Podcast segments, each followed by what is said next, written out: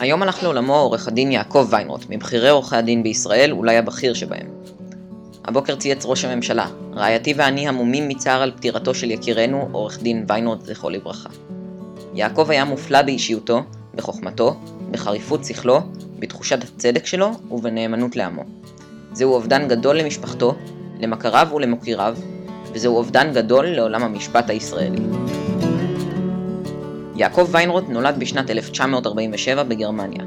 הוא סיים תואר ראשון במשפטים בהצטיינות באוניברסיטת תל אביב בשנת 1972, תואר שני ב-1974 ודוקטורט ב-1981. בשנת 1972 הוא הקים את משרד עורכי הדין בו פעל עד מותו.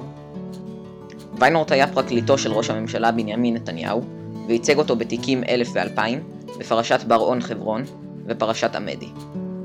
הוא גם ייצג את רעיית ראש הממשלה שרה נתניהו בתיק המעונות.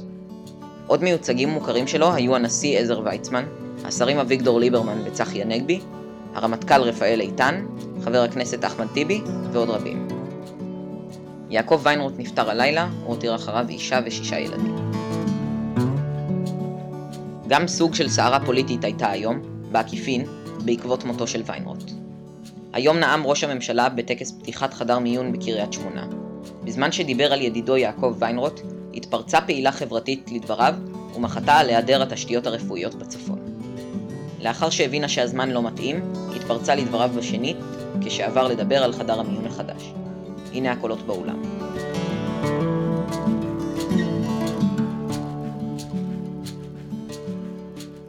ואני רוצה להגיד, הטיפול השוויוני הזה לכל אזרחי ישראל, ושוב, יהודים ולא יהודים, בערים ובספר, אני חושב שהדבר הזה הוא מבטא את תמצית המדיניות שלנו. תמצית, תמצית המדיניות שלנו.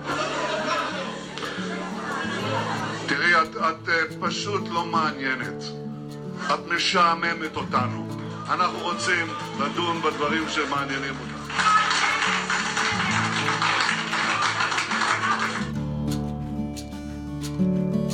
סערה התעוררה בעקבות דבריו של נתניהו, מאוחר יותר הוא כתב בטוויטר הבוקר התפרצה פעילה פוליטית לדבריי בטקס חנוכת המרכז הרפואי בקריית שמונה. זה היה שעות ספורות לאחר שהתבשרתי על פטירתו של ידיד נפשי, עורך דין יעקב ויינרוט. אני רגיל לביקורת ואין לי שום בעיה עם קריאות ביניים. קיבלתי אלפי קריאות כאלה בחיי. אבל היום, בעומק הכאב והצער, הרגשתי שזה פשוט לא היה מתאים.